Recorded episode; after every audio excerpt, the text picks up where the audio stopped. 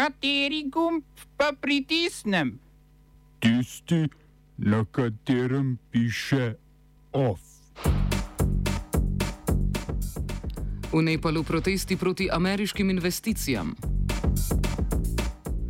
Švicarska banka Credit Suisse leta poslovala s kriminalci. Hrvaški minister Darko Horvat pridržan zaradi suma korupcije. V kulturnih novicah blišč in beda samopromocijske umetnosti.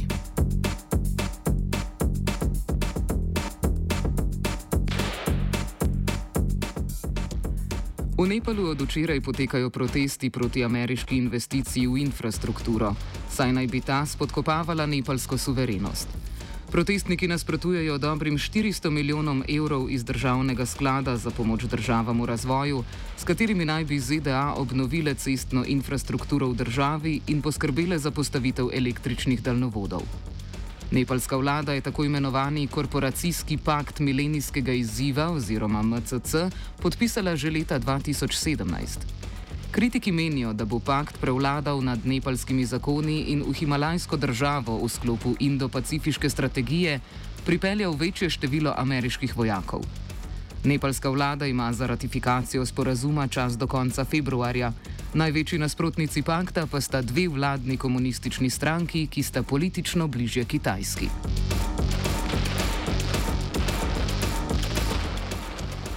Svetovna zdravstvena organizacija je sporočila, da je v Malaviju prvič po več letih odkrila nov primer okužbe z virusom otroške paralize.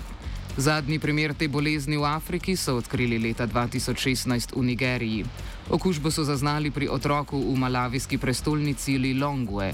Po laboratorijskih raziskavah pa je bilo ugotovljeno, da je bil virus prinesen iz Pakistana. Leta 2021 je bilo po celotnem svetu zgolj pet primerov okužbe z virusom, vsi pa so bili zaznani v Pakistanu in Afganistanu, ki tako ostajata edini državi, v katerih je virus še endemičen. Kot ključno za izkoreninjanje virusa se izpostavlja nadaljne cepljenje v koordinaciji obeh zgoraj omenjenih držav.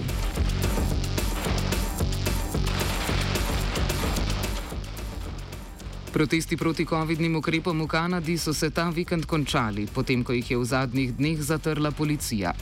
Protestniki so skoraj tri tedne zapirali prestolnico Otavo, protestirali pa so proti obveznemu cepljenju in karanteni ob vstopu v ZDA.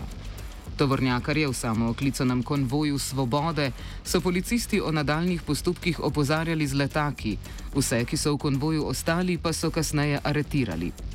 Policija je uporabila tudi solzivec, konje in oklepna vozila. Zaradi protestov je kanadska vlada prejšnji ponedeljek sprejela tudi zakon o izrednih razmerah.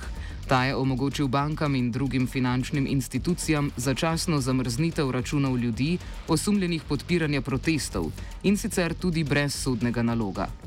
Zvezdna vlada je sporočila, da bo vsem, ki so bili oškodovani zaradi zapore glavnega mesta, povrnila vse stroške. Ti naj bi znašali okoli 14 milijonov evrov.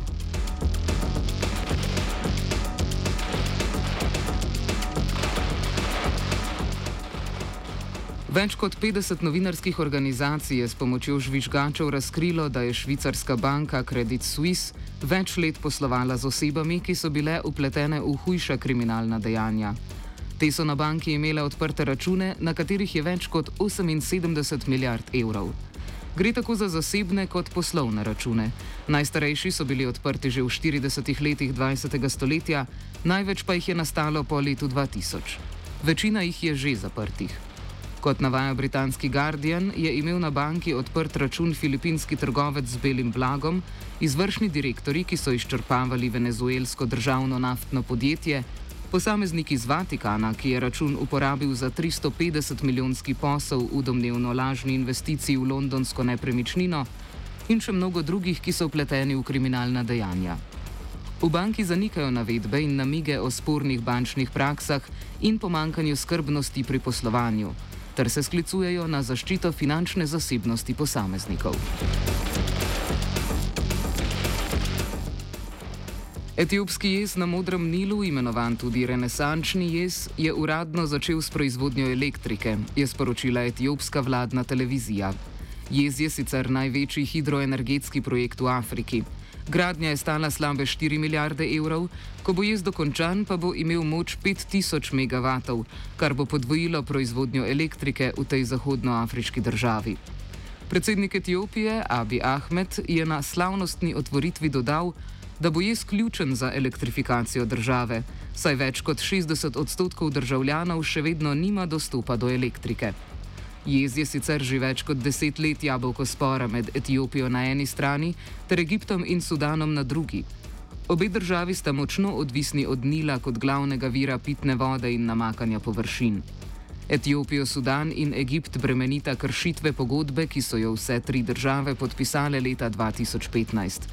V njej je zapisano, da reko Nil lahko uporabljajo vse tri države hkrati in da so neusklajeni posegi ene države prepovedani.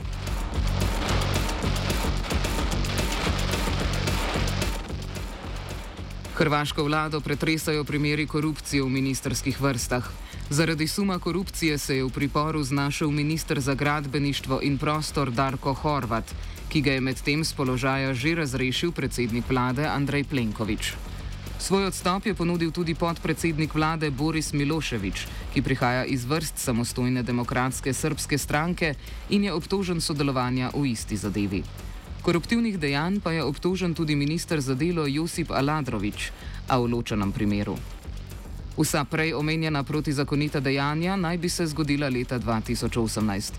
Več o tem, če se točno bremenijo ministra Darka Horvata, pove politični analitik Davor Genero. Uh, gre se za zelo nenavadno situacijo. Uh, namreč uh, minister Darko Horvat, ki je trenutno uh, gradbeni minister, v prejšnji vladi uh, je bil uh, gospodarski minister. Uh, je uh, bremenjen tega, da je uh, mimo kriterijev razdeleval uh, denar namenjen za podporo tem uh, kaj, uh, občinam uh, in lokalnim skupnostim na Hrvaškem, v katerih uh, živi uh, razmerno velik del uh, manjšinske populacije.